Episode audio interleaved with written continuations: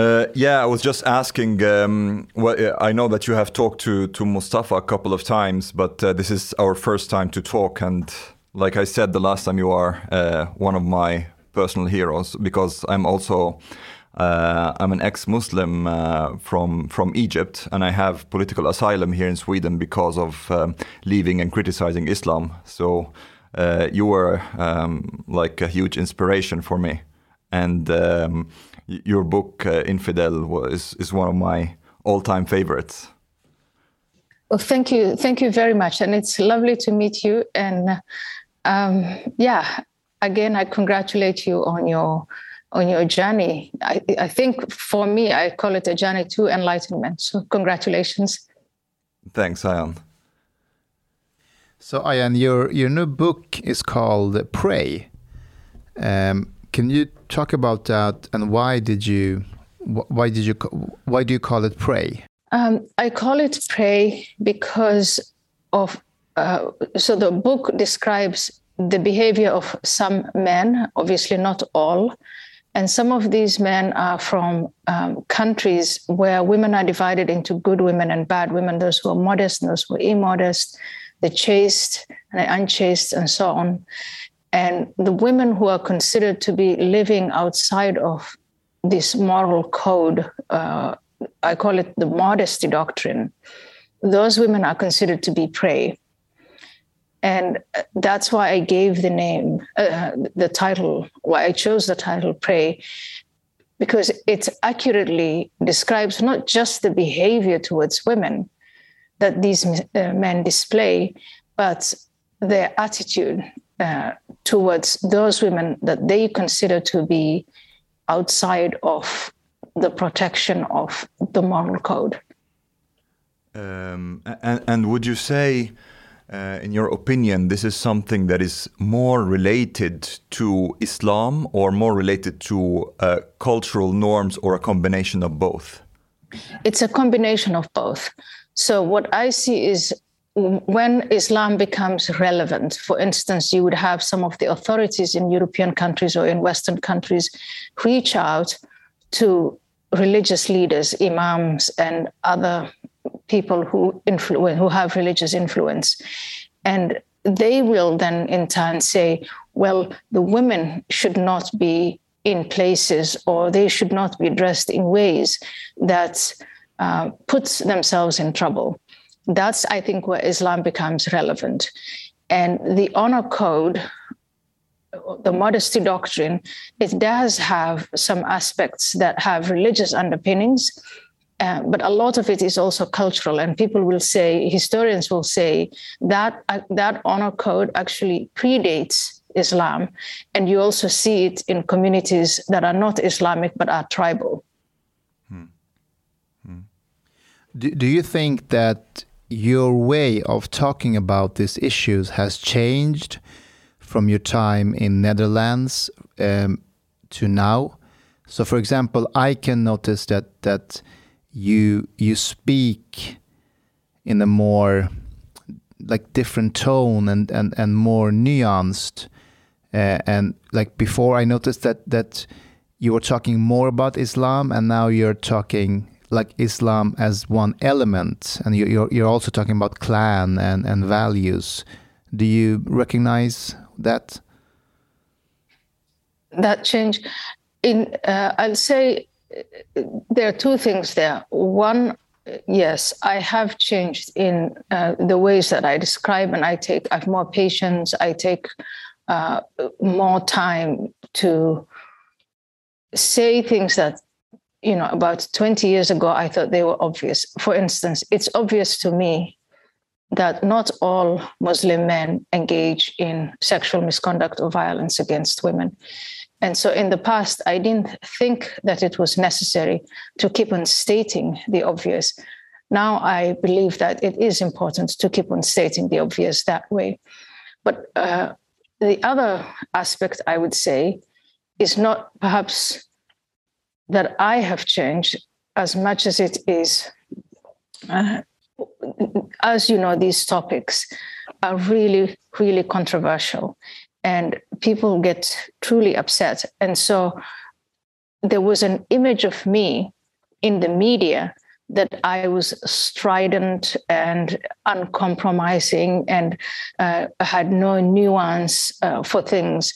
And I think that now that these problems are growing as the numbers of um, immigrants grow, as the issue of integration becomes uh, a bigger problem, that people are seeing people who who thought who had never met me and who had never spoken to me who thought that i wasn't being nuanced are now seeing oh it's not really me who is the problem or others like you by the way who uh, raise these issues.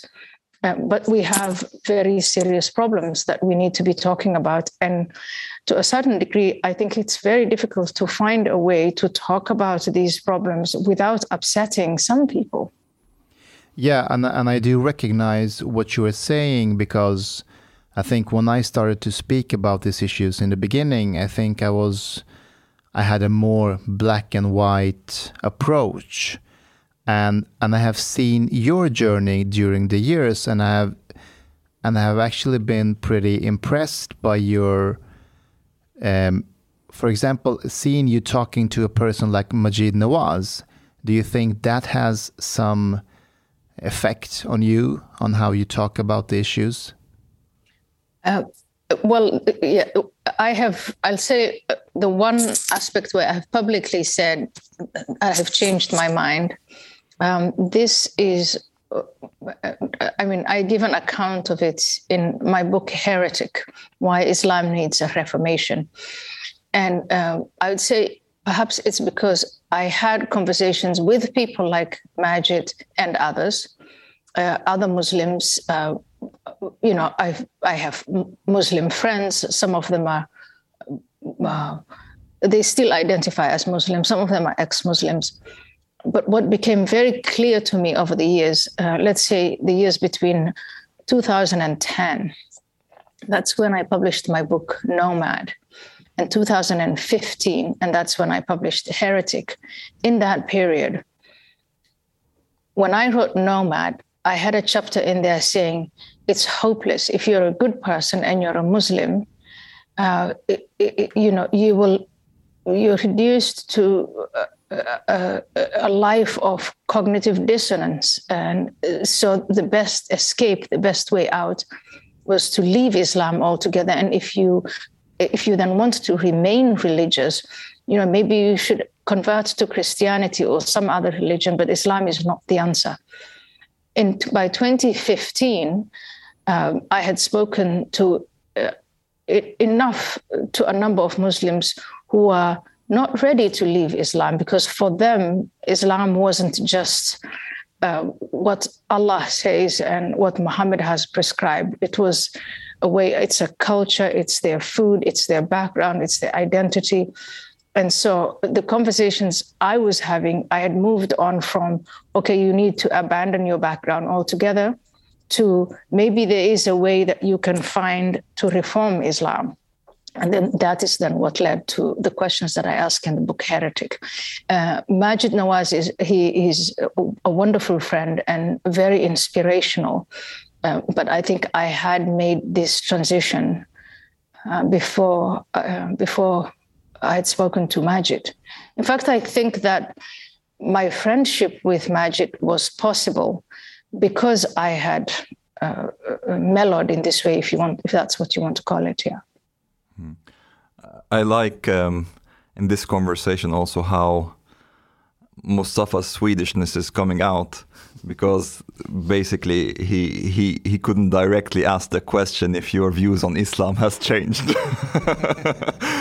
um, uh, but um, uh, to, to go back to uh, to Prey, Ayaan, and and the uh, and the cultural attitudes towards women and sexuality and so on. This is something that I, I myself can relate to a lot because I, I haven't been in Sweden for a long time. Uh, I've been here only for seven years.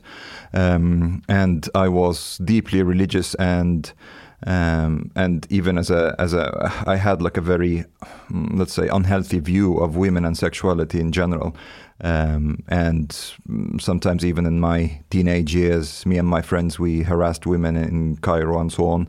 Um, but I'm interested uh, also in because sometimes people say, well, in Islam, all these things about harassment and rape and, and all that is, is forbidden, it's haram. Uh, but um, I have like an analysis that I want to to run by you because for for me, the, and this is what I was experiencing as well. This kind of sexual puritanism, sexual repression that exists in Islam creates some kind of inner conflict because at, at one point you're supposed to be uh, to to abstain from from sexual relationships, even not to like look at women uh, with lust and and so on. It's haram, but at the same time, the desire exists, and this creates this inner conflict that um, that I think in a way translates also into an aggressive behavior. Like uh, when I was like um, uh, listening also to to uh, to to what happened with them. I can't remember her name. Uh, the reporter in Tahrir Square, uh, Lara Lara Logan. What mm-hmm. happened to her and how she was describing that they were pulling at her scalp and head and muscles in a very violent way. Um, and I could understand that because for me, this is a part of this um, aggression result, resulting from the sexual repression in religion. Do you think there is something there? Um, I think the, the what you described just now um, was also described in almost the exact same words by the Algerian French writer Kamel Daoud, where he says we have a problem in the Arab Muslim world. And yes, part of that is absolutely religious. The insistence on Puritanism, on abstinence, um, the separation of uh, men and women actually it starts you could say boys and girls because it's in some households that starts as young as when the boys are only seven years old. Uh, and then they're relegated to the realm of the men and then the women the girls uh, they're getting it's it's it's getting it used to be that uh, when they hit puberty that's when they were uh, required to uh, dress modestly, meaning wear the headscarf and so on. Uh, but because of the rise of movements like the Muslim Brotherhood, mm. it's become you know you have you see three year olds and four year old girls uh, in tight headscarves, and so does religion, does Islam have anything to do with this? Yes, I think it lies at the basis of it. Mm. When again to go to Mustafa's nuance. Uh, if you think of Islam as sort of the governing doctrine, uh, where the rules have their basis, uh, then yes, this Puritanism has as its foundation Islam. Uh, but I think even for those people, because that's where it starts to become problematic, some of these young men who engage in the behavior you described, taharrush, this mm. harassing and and really violent uh, behavior against women, and a complete disregard for uh, female humanity, no remorse whatsoever after they've committed these acts, and no empathy for uh, the victim that uh, they're treating in that way. Some of these individuals are not religious at all uh, they probably can barely read the Quran. They uh, almost never pray. Um, and so I think there you have a combination of Islam as determining, well, here's what good girls look like, and uh, here are the bad ones. And then on a cultural level, but not religious, uh, young men behaving um, you know, violently towards women, and the two reinforce one another. Mm. When when the when the men are reprimanded, when they're asked why do you behave in this way, if they go to the mosque and you know they take their wudu, uh, that is the ablutions, and so they can purify themselves of this sin, but because the restrictions that you describe between the sexes are not lifted, this young man is just not he, the ablution and the praying and asking for forgiveness for a day or two, or maybe during the month of Ramadan. That doesn't resolve the problem because his desire doesn't go away, and he exactly. has no clue how to have a healthy relationship with a female.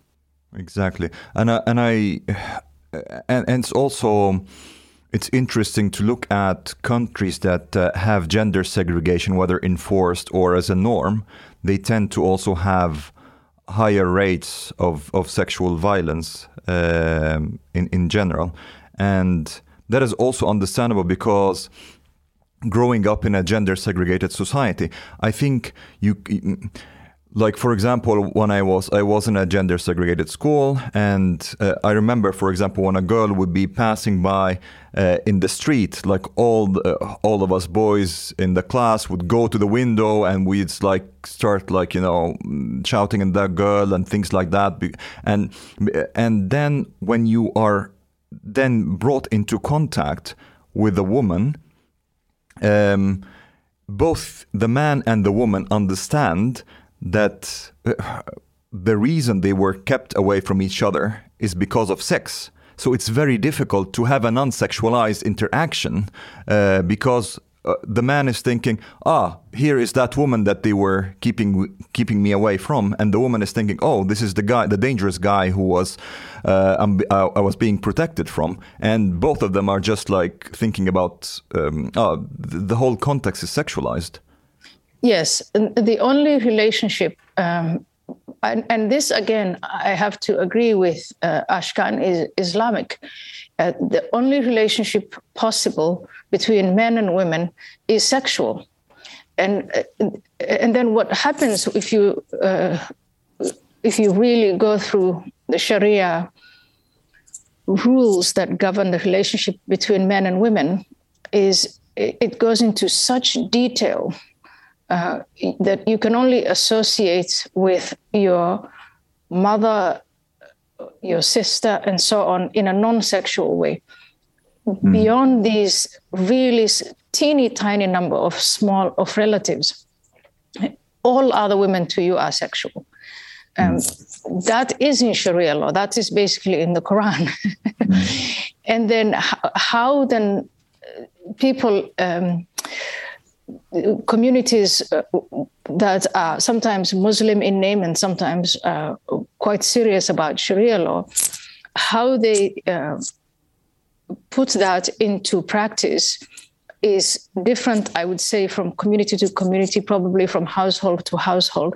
But in the Middle East, in, among Arabs, it's pretty extreme in the sense that it's almost impossible to have a friendship with uh, between a man and a woman that it, it is so radically sexualized.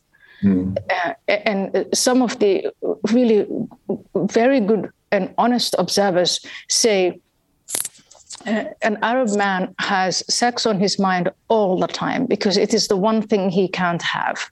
Mm and then and for the Arab woman, it's also uh, some of these descriptions that I've read a few autobiographies on that. It's the same case. You can't think of a man without thinking about sex. Now, I agree with you wholeheartedly that that is a very unhealthy, extremely unhealthy way of uh, you know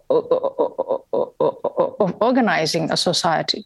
And, and and this is what's holding arab muslim countries back because there's just this extremely unhealthy relationship between uh, girls and boys men and women. And there are enough girls and enough boys and enough men and women who see this and who have written about it and commented it on it and have tried to make changes.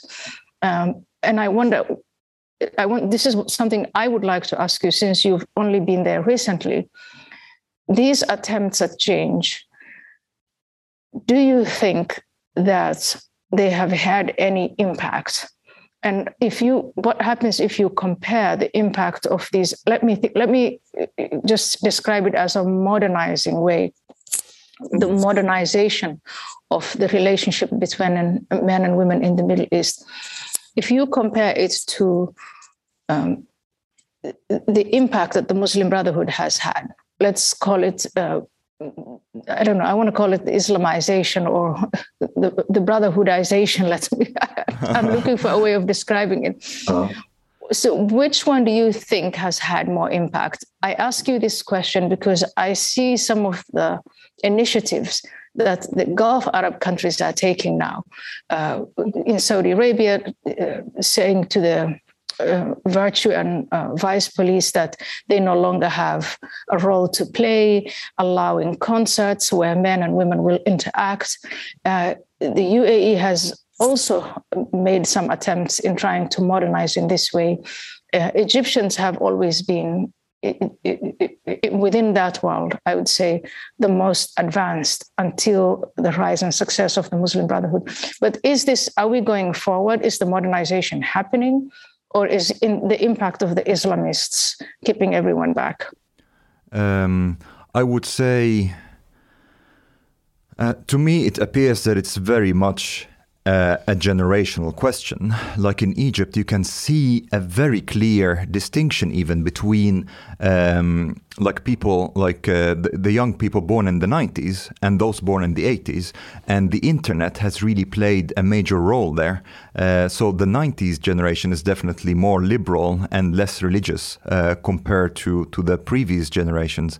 But but the problem also that there can be some kind of like again uh, an inner conflict um, that e even in, in in liberalization because the thing is there there is a liberalization between uh, the relationship of uh, relationship between men and women yes uh, in the younger generations. However sexual relationships are still a very strict taboo. So, for example, you can associate with somebody, but you cannot really have a, a, a romantic or sexual partner, which which becomes also um, somewhat disturbing. Um, I would say. Um, if you're not able to to have a normal um, love life or, or, or sexual life uh, that is outside of marriage, especially since marriage is very it's very costly. The, uh, there's a lot of people in Egypt that can't afford marriage uh, because of the dowry and and so on. Um, so so, so, there becomes a conflict there. Uh, but uh, go go on, Ayaan. Yeah, I think it's more than a conflict. I think it's it's it becomes more and more complex. I remember in the nineteen in the middle of the nineteen eighties, there was this resurgence of Islam and this rejection of other forms of isms, you know, socialism and uh, liberalism and all that was being rejected, and people wanted to live by uh, the rules of Islam. And this was voluntary. This wasn't uh, some kind of outside force imposing it on uh, communities. It was a bottom-up kind of movement. Mm. And back then, the this was I mean it was literally the constant uh, problem, which was well, then what do you do about these relations between men and women?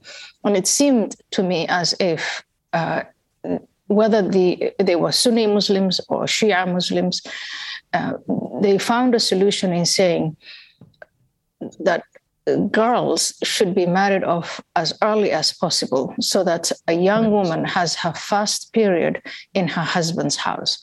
And this was seen as a solution to this problem that you're describing. There was no need, therefore, because it was seen uh, any kind of um, sex outside of marriage and not even sex, just the hint at it, you know, young women making themselves attractive, going out uh, to the movies, uh, you know, having a romantic relationship, even without sleeping with the man. Even that was seen as a big problem.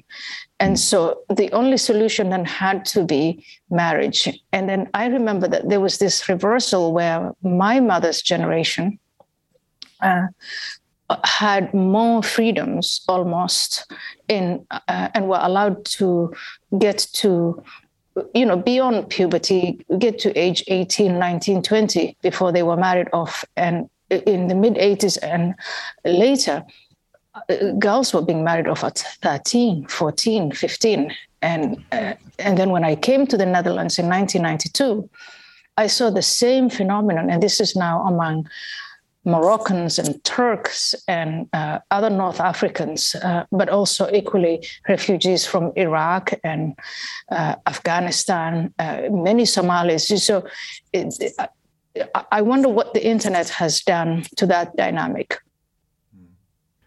Um, yeah, uh, I would say uh, from from where I stand, I think the internet has really uh, is, is pushing towards more liberalization and, and secularism. This is why sometimes I can also be a bit more skeptical of calls to reform Islam because I think.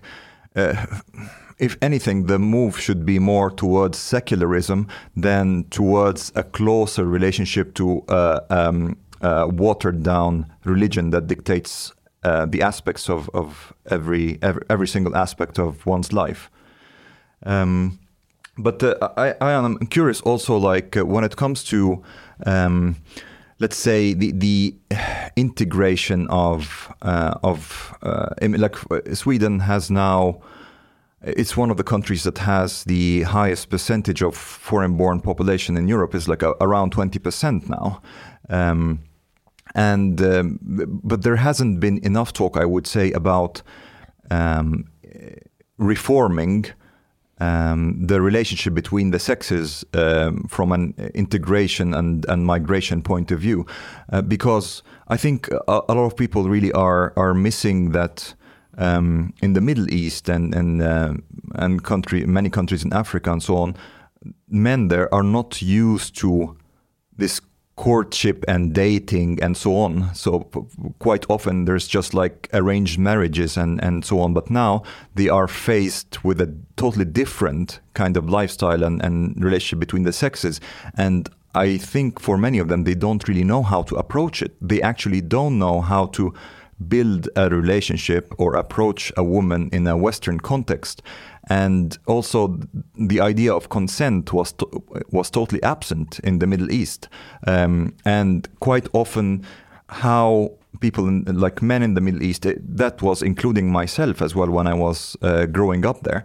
Uh, my view of Western women was something like this: like you make the dichotomy between chaste women and, and uh, immodest women, it was the same for me.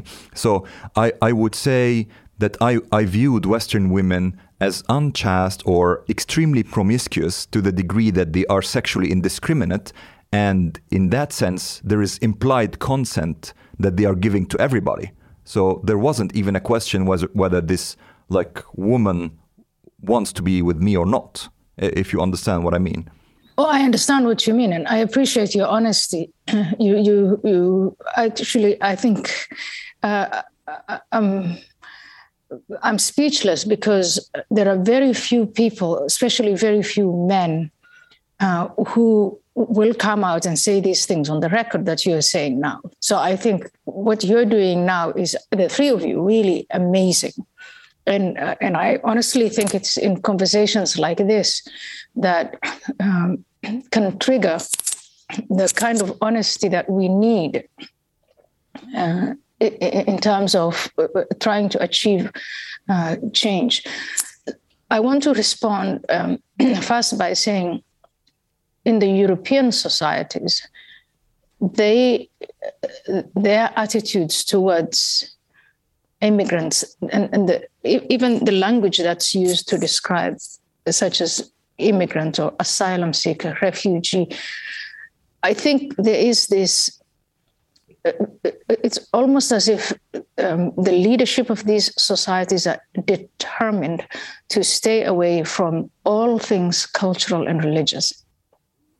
Mm. So let me just park that one there and we, we can unpack it later and, and come back to it.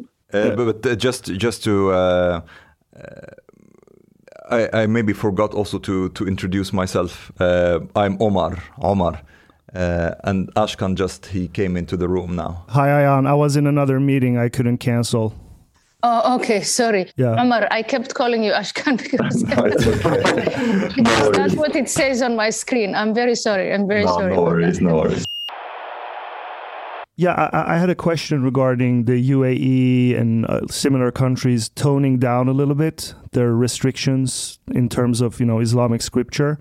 Uh, I, I, was wondering if you have uh, some thoughts on what, what incentivizes them to do this, because I see the same thing happening in Iran, where I come from, that the government is becoming a little bit more, you know, lax when it comes to Islamic laws, especially uh, with regards to women. I think the primary reason is it's the economy. Uh, I think some of these countries that relied purely on oil are now realizing or have realized for a, a number of at least a decade um, that's, that can't possibly be a way for them to go forward economically. And so uh, some of these leaders were educated in uh, Europe, in the US, and uh, uh, they have reached um, the conclusion that they need to open their economies up to the rest of the world. And by doing so, in the information age, uh, that requires, uh, I think, I think they fully understand um, that they need to make some changes and uh, maybe move away from Sharia law. And some of them will say modernizing the economy is completely in sync with Sharia. And it doesn't matter whether they say it that way or whether they admit openly uh, that um, it, it's Sharia law is, is a relic from the past. But regardless, uh, this is a, a positive unintended consequence. So you don't think they necessarily have to code these changes into some kind of Islamic wording? Is that completely arbitrary? A, country like Iran, the, the Iranian regime uh, codes everything. They code everything, shout everything in yeah. Islamist lingo. Um, but I think in countries like the UAE right now, that's where you see uh, change as its fastest happening. Um, I think they've completely dropped. Uh, I've heard some of them say, uh, you know, you how you practice Islam is a personal thing and, and, and, then the banning of the Muslim Brotherhood and, you know, the cracking down on uh, Islamists. In Saudi Arabia, the latest has been, uh, you know, bringing down the, the morality police, uh, but also withholding funding from, I know if I say the word al-waqf, I think that you understand what it means, but uh, how do we translate into English these charitable endowments that were um, you know given to countries across the world uh, to you know radicalize let me just call it wahhabize societies uh, as far as Indonesia and parts of Africa. These yeah. endowments have now been curtailed, if not stopped.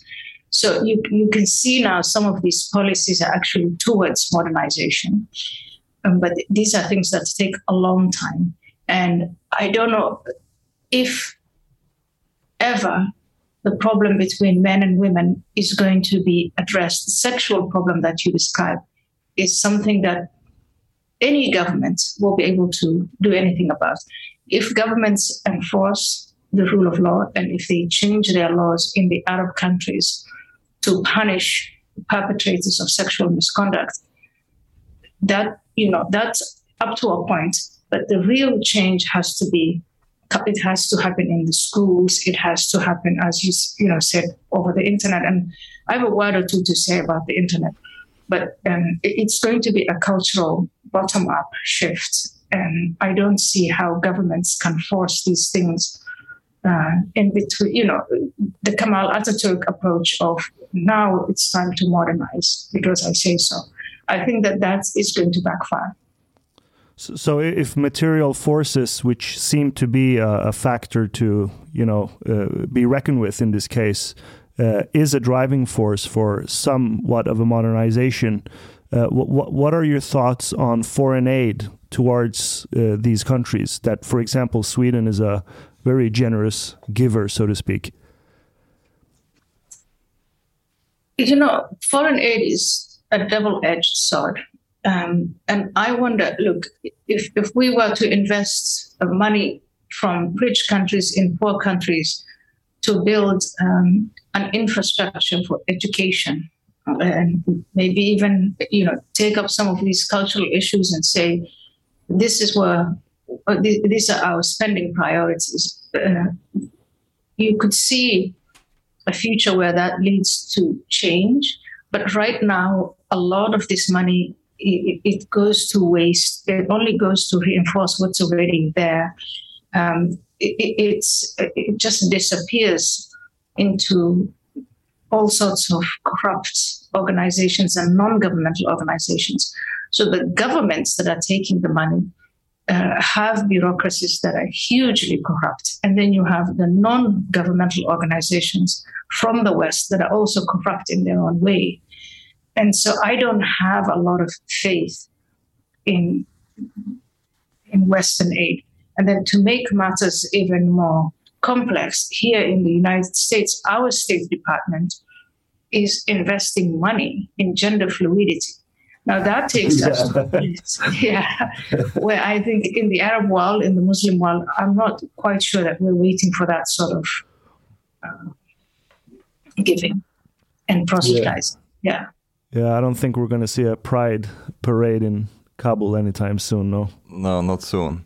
But um, um, Ayaan, if we would talk more about um, the the way forward, so to speak, I, I heard you on Ivar Arpi's uh, podcast um, and also on on Kvartal uh, when you were you, you mentioned that um, basically that there are certain values that the host countries. Uh, uh of the host country that the immigrants need to adopt or otherwise leave more or less. Like there are some values that are just like take, not give and take, um, and that. Um, uh, and and that we need an honest relationship between the host country and immigrants, uh, as you describe it, and to absorb the, absorb them into some sort of value system. Some uh, how I would maybe um, uh, how I interpret you saying it is that uh, that of the of a liberal democracy and liberal values, um, for lack of a better term, maybe. So you, you, talked about like maybe halting migration uh, and assimilation of people who have come here, and repatriation of of offenders, basically. Um, can, can, you is that uh, a correct summary of, of your views about your uh, about the way forward? It is. And I think hidden into or packed into everything that you said now is, I would say, it is a give and take. And here's where the give comes. There are a lot of people who, when they take part in the debate on immigration and integration, simply say, you know, we don't fit. Their culture doesn't fit into ours, and we'll never be able to assimilate these people. Let's just deport them. Let's close the door. Let's close the borders. I don't take that position. My position in the give and take is that the host society, um, if we were to have a very honest and transparent conversation, then we would know that some of the young men who come uh, have no clue, as you described um, earlier, uh, because they come from societies where the relationship between men and women is radically different. And then on top of that, if you look at places like Syria and Iraq and Afghanistan and Somalia, I mean, increasingly large swaths of the world, order has broken down. So it's not even, you know, like even what was there before, even even though that wasn't so great, but it isn't there anymore. So there, there are. If I take Somalia as an example, if you were born in 1991, you were born in a context of complete anarchy there's no tribal order, there is no Islamic order, there's no order, period. It's just chaos and violence. And if you come from a place like that and you come into Sweden, I think it's justified to assume okay, so you haven't had any kind of, you know, socializing in the norms and values of a peaceful society. So the host society, the, host, the society that has given you the residence permit, the refugee status or citizenship, I think they should then provide the knowledge that you need, the tools that you need to acquire these social norms and values. Now, then it's up to you as an individual to show up for these classes, to take what you have been offered, take, use this opportunity. If you refuse to do so, and here's, I think, where I believe in individual agency. If you've been given all of this, and you, so you're rescued from a country that's in chaos, you've been given a residence permit in a new society, peaceful society. You've also been offered these tools of how to uh, get, you know, get these norms, and you reject all of that, and you go around harming people. Then I think it's justified for that society to say, for this particular individual, you have no place, you have no reason to be here. You can go back to where you came from.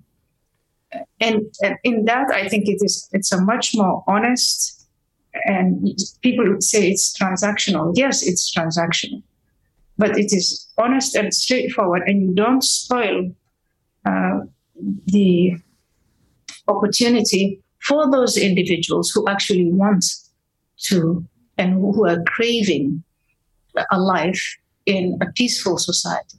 Now, there are some societies that have in Europe um, that have uh, had or have these conversations, and uh, their problems are, the challenges are similar, but the problems they have with integration are not as big as, say, Sweden's.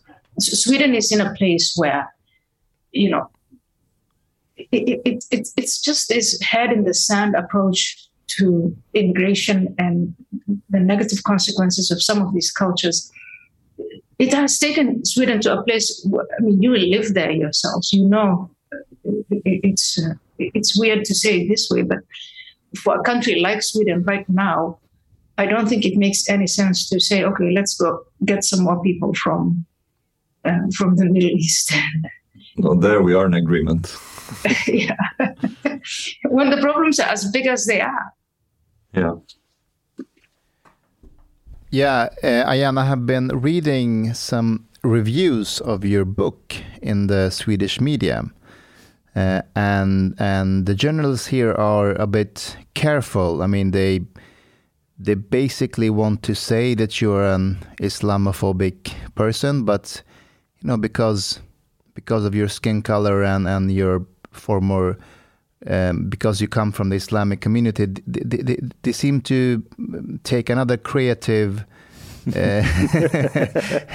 they, they, they say that you're an Islamophobic person in, in other creative ways, if you understand what I mean. In a Swedish way. In a Swedish way.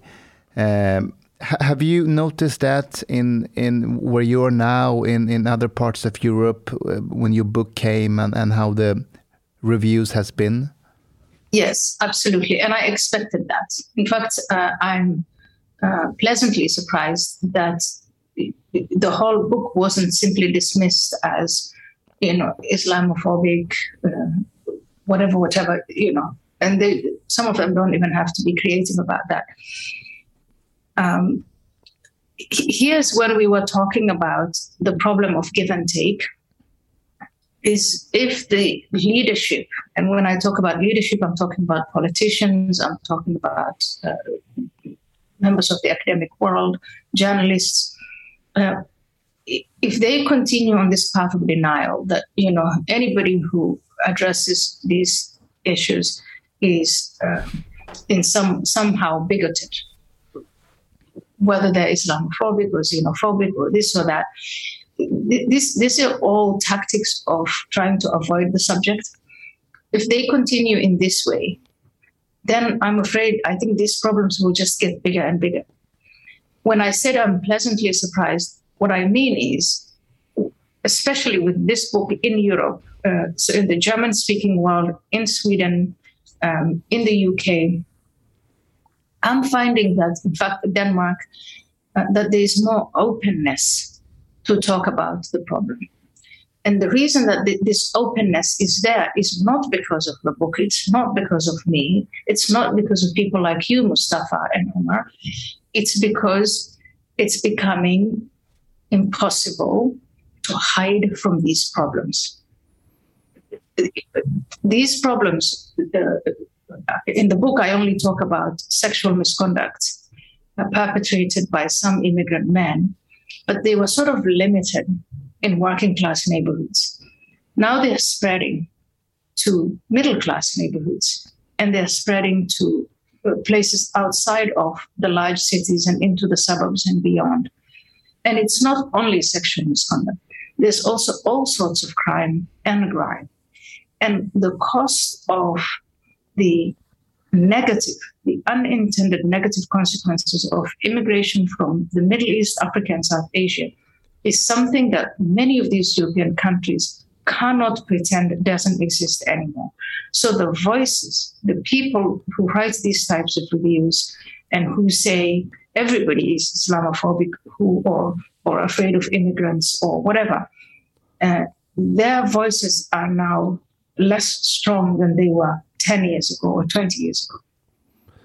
Ayaan, do you think there's a justification for even dealing with a term such as Islamophobia? Is that really a thing, in your view? Of course, it's not. And you know that Islam is a religion, it's a set of beliefs. Um, and to criticize it, to scrutinize it, is not phobic to begin with. We never talk about Christophobia, even though there is um, you know, Christians are persecuted hugely in Muslim majority countries. Yeah. Uh, in the country Egypt, I mean, you know the plight of the Coptic Christians, but we never use the word Christophobia. And another aspect of it is phobia is a word to describe irrational fear. If you're a woman, it is not irrational to fear Sharia law. If you uh, are like me, an ex Muslim, it's not irrational to fear that a Muslim fanatic will actually attempt to take your life for no other reason than that you left the religion.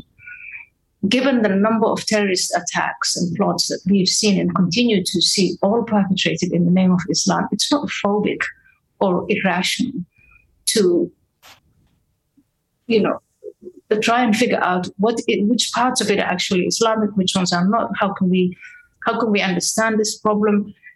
Uh, calling for a reformation of Islam, that's not phobic. And so I think this word is just a way of, they're taking advantage of the postmodernist, um, you know, climate, social and value climate that we live in now, yeah. uh, where you can, you know, style yourself as a minority that's persecuted, and then uh, that way avoid all criticism and shut your opponents down simply by claiming that the people who want to have a serious conversation about these problems have irrational fears or are bigoted. Uh, Ayaan, I, I, I, do agree, agree agree with you that the term Islamophobia is a bit confusing. But do you think that we in Europe have some issues when it comes to anti-Muslim views and and you know basically like some kind of a phobia against Muslims. Is that justified to say? Uh, no, it is. It's uh, justified to say, and it is empirically true that there are uh, large numbers of the public in Europe who uh, would rather not have Muslims as uh, fellow citizens, as their neighbors or in their neighborhood. They don't want them in their schools. Um, and the reason for that is more complex than people's, you know, the simple identity of being Muslim.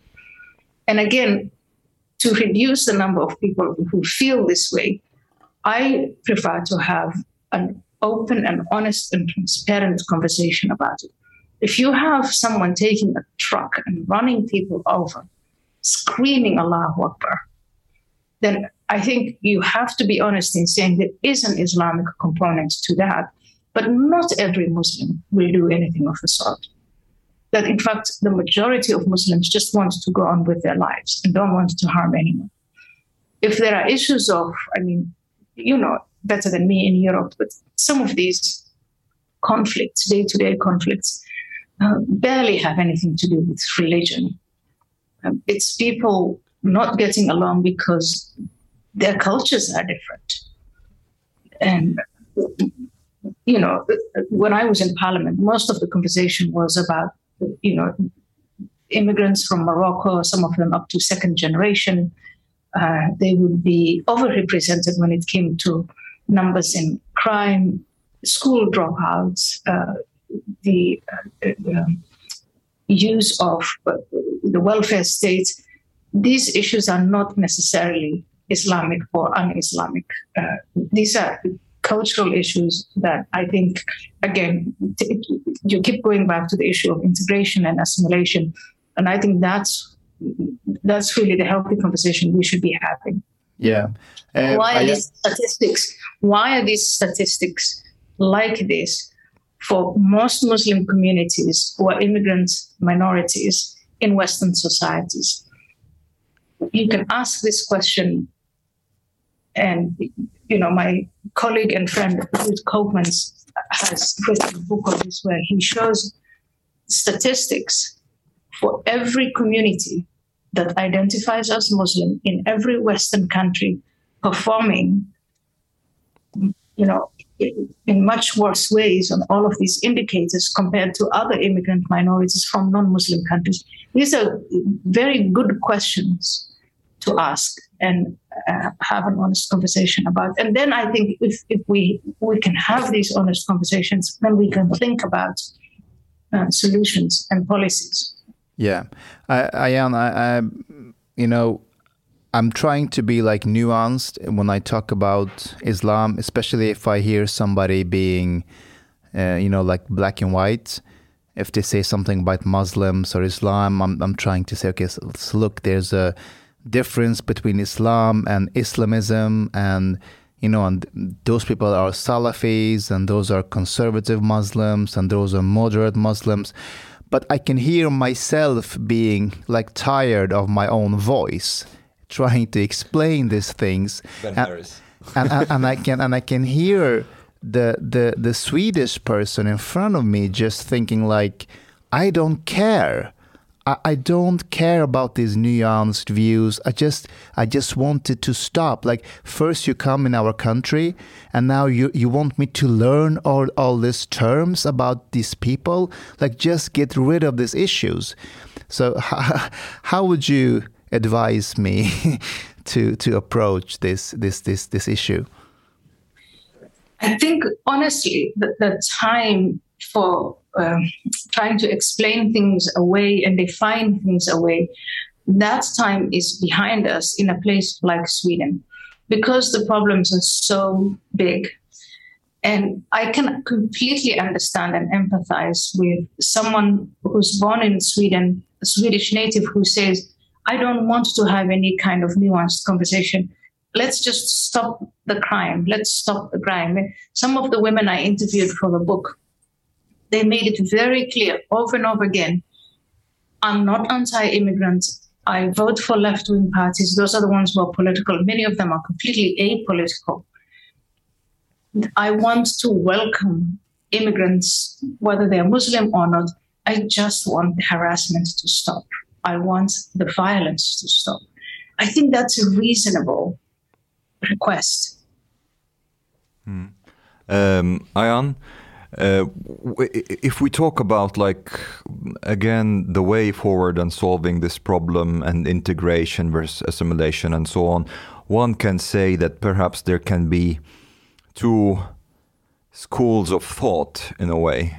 Uh, one is having the immigrants adopting the values of the host country, and another school is having immigrants adapt to the values of the home countries.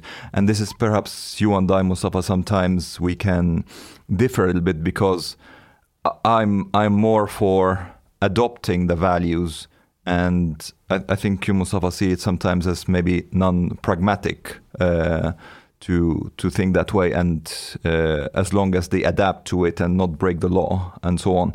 Um, but uh, what what do you think, Ayaan, could be um, how do you see this uh, of adopting the values versus adapting to the values? Of course. so now we're getting into these semantic waters, but I think it is a question of adapting and adopting both of them. And I say this because, um, you know,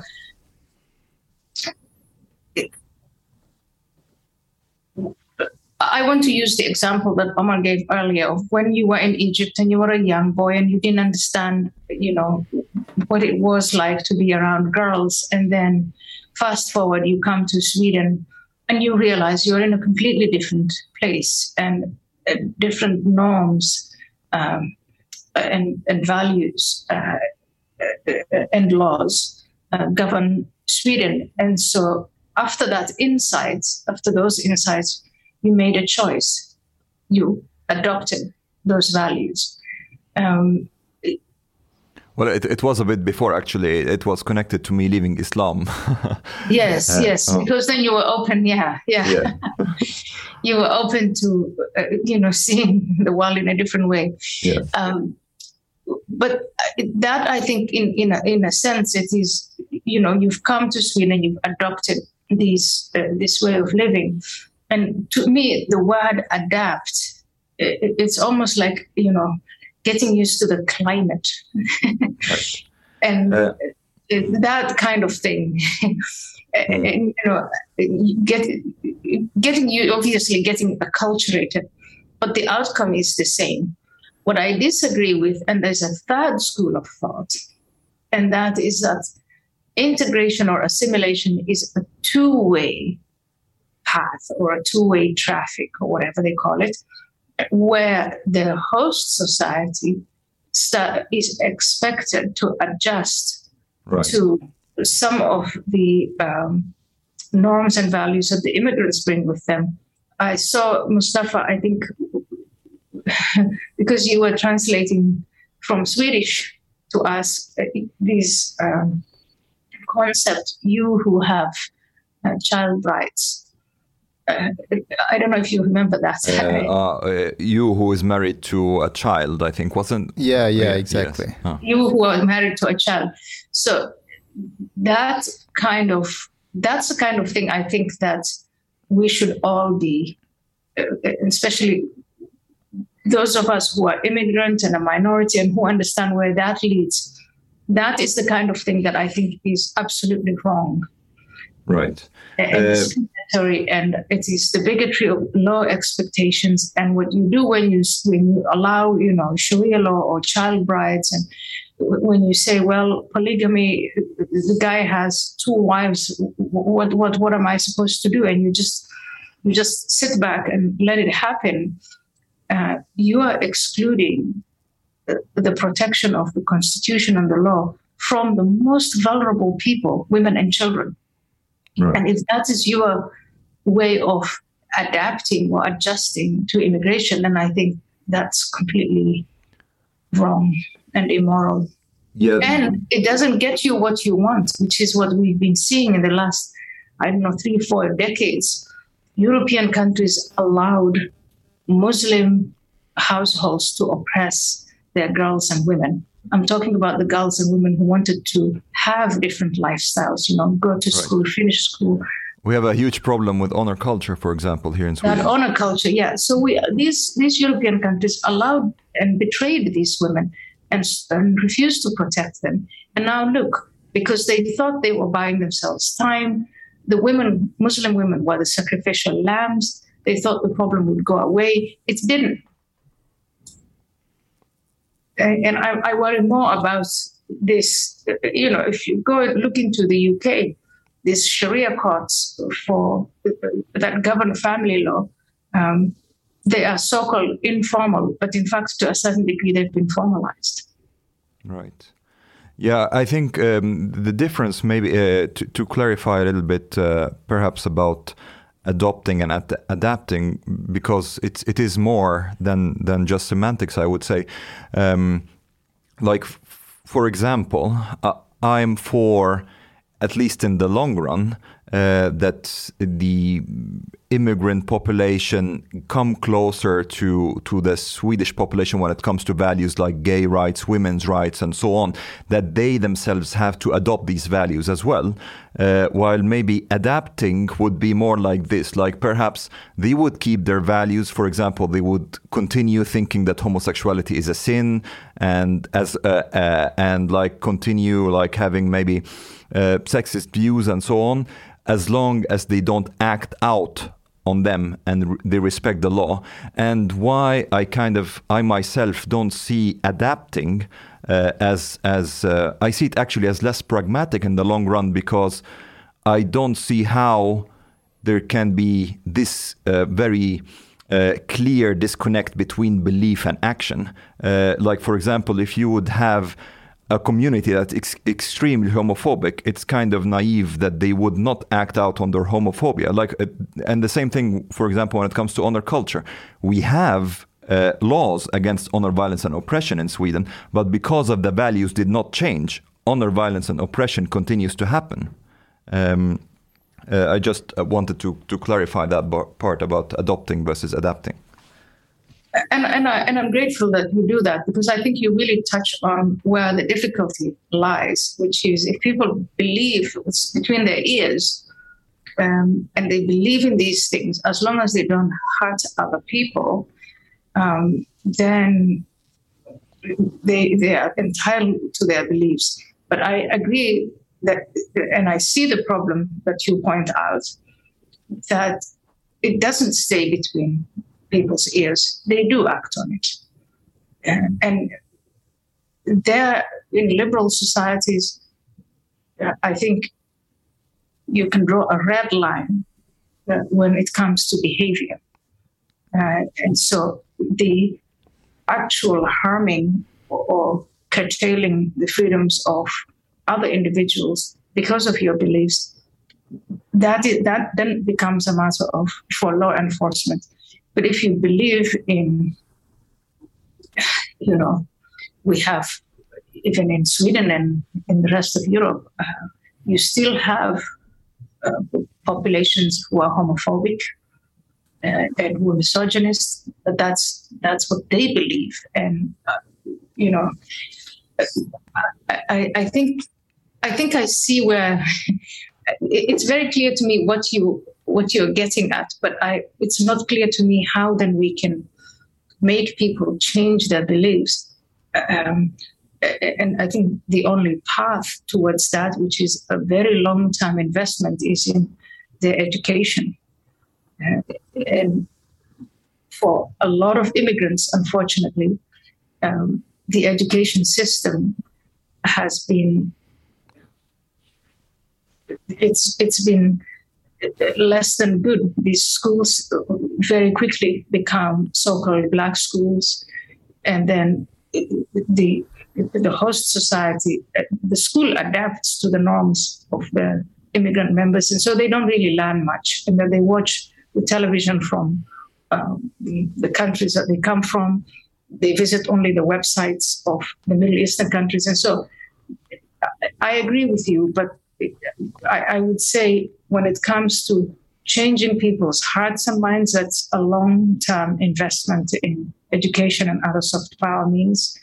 When it comes to behavior, hurting someone, there should be a red line. Yeah, I agree. And uh, I think changing people's beliefs is actually quite difficult, but I have a more longer um, uh, time perspective. So I'm more concerned about that uh, the uh, upcoming generations don't inherit these values and beliefs. Um, so this is more my concern. Yeah, and I think th- that's why when I'm seeing um, the newcomers uh, traveling around and giving lectures, I'm more focusing on um, uh, that they, you know, don't break any laws rather than they change their value system. I'm, I'm trying to be more pragmatic there and hopefully that their children more, you know, adopt the value system. I, I, think to, to, to tell people who come in Sweden that their value system, that, that, that, that it's wrong or it's flawed, I, I, think, I think there's a chance that they will just don't listen to you because you know values are values are sensitive issue and if if you t- like they will tell me what are you talking about I, I mean I have a great value system when it comes to my family, to, to, to the, the, the, the, the love of family, relatives, my father, society. Like, well, what are you talking about? So I think I want to have good results, and, and, and I, I want people to listen to me rather than you know that they don't. Let me share with you an anecdote. When I was a translator interpreter in the Netherlands, um, in asylum seekers centers, they used to have, they may still do, I don't know, but they had programs to talk to Somali women, and I was called as a Somali to translate from Dutch to Somali and back uh, on female genital mutilation. And the, uh, let me call her just a teacher, but the, the person who was giving the information, uh, what they would do first was just simply describe the anatomy of the female and then from there describe why mutilation is bad. And once they had done that, there would be the pushback from the audience. And this is, I think, Mustafa, where you're going to find that individuals respond differently to information. So the people who are imparting the knowledge were not really going on about, you know, we're saying we want to change your culture or your beliefs or your values. They were just saying, here is the harm that's caused with this um, damage to the anatomy of the female. And some of the women would respond by saying, I fully understand all the information that you've given me, but this is against my religion or it's against my tradition or it's just not how we do things. We this is we, we reject this. We will continue to circumcise. That's how they call it, or purify our girls. Some of the women responded by saying, "I had no idea that this was," and others responded different. And I had done this many, many times, and I found that the younger women were almost always keen to learn more and they would extricate themselves from the room sometimes and away from the older women and say, Tell me more, where can I find more information? So I think it's a mixed bag, and I would give both. I would talk about not breaking the law, but I would also start introducing these ideas, and then you just get their feedback, and you, you'll be surprised. That's great. Uh, Ayaan, I would like to finish with asking you a last question about about the future. So, where do you see Europe in like 30, 40 years in the future? Um, worst case scenario and a better case scenario? Yeah. Yeah, exactly. We have to think in terms of scenarios. I think different countries will see different scenarios because you can see places like Denmark, uh, a small population, they have addressed these problems seriously. Um, here's what's some of the things that I think. I think the countries that uh, continue in in this uh, what I call sticking your head in the sand approach to immigration, uh, they might find themselves in a worst case scenario, like the Balkan countries, uh, the former Yugoslavia, where you have faction uh, against faction, um, and, and the extremes basically taking over um, and anarchy and uh, a rise in, you know, some of the aspects that you see in the developing world. You actually already see some neighborhoods like that in France. That's a worst case scenario or a worst case scenario.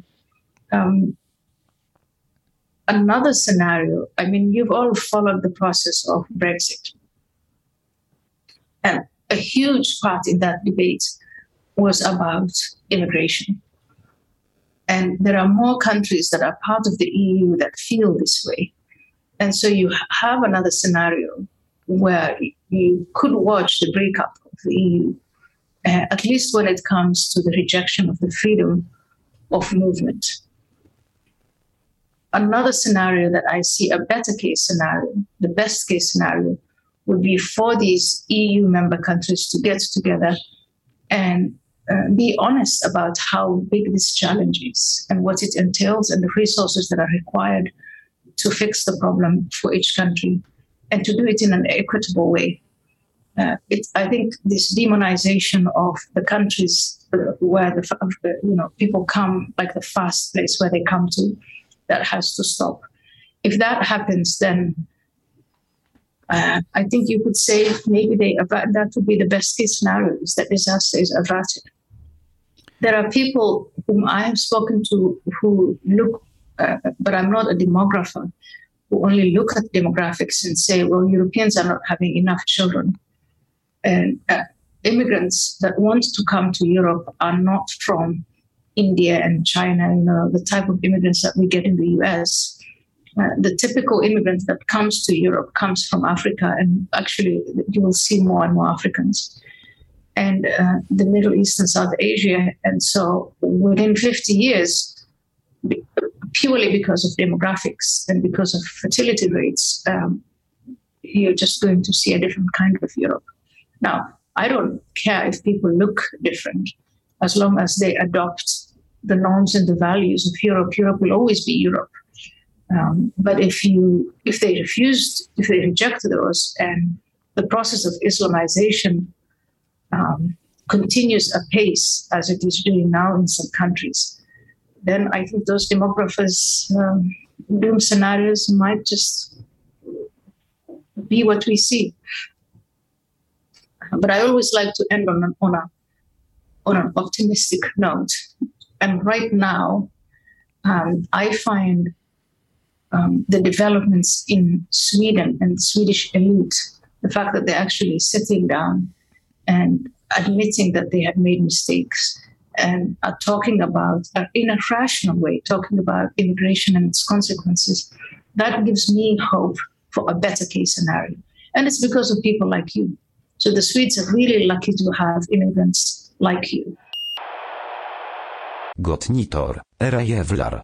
Tak foratni lisnar pozista moltit. HN miket fin szugo szutwo.